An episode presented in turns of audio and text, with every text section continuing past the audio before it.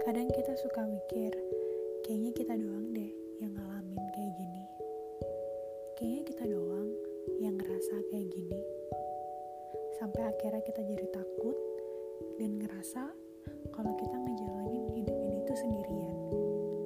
Padahal ada banyak teman-teman kita di luar sana yang ternyata ngerasain hal juga yang sama kayak kita. Di podcast ini, Siapa tahu ada yang sama. Kita akan cerita pengalaman-pengalaman aku dan juga teman-teman aku supaya kita semua yang ngalamin gak ngerasa sendirian lagi.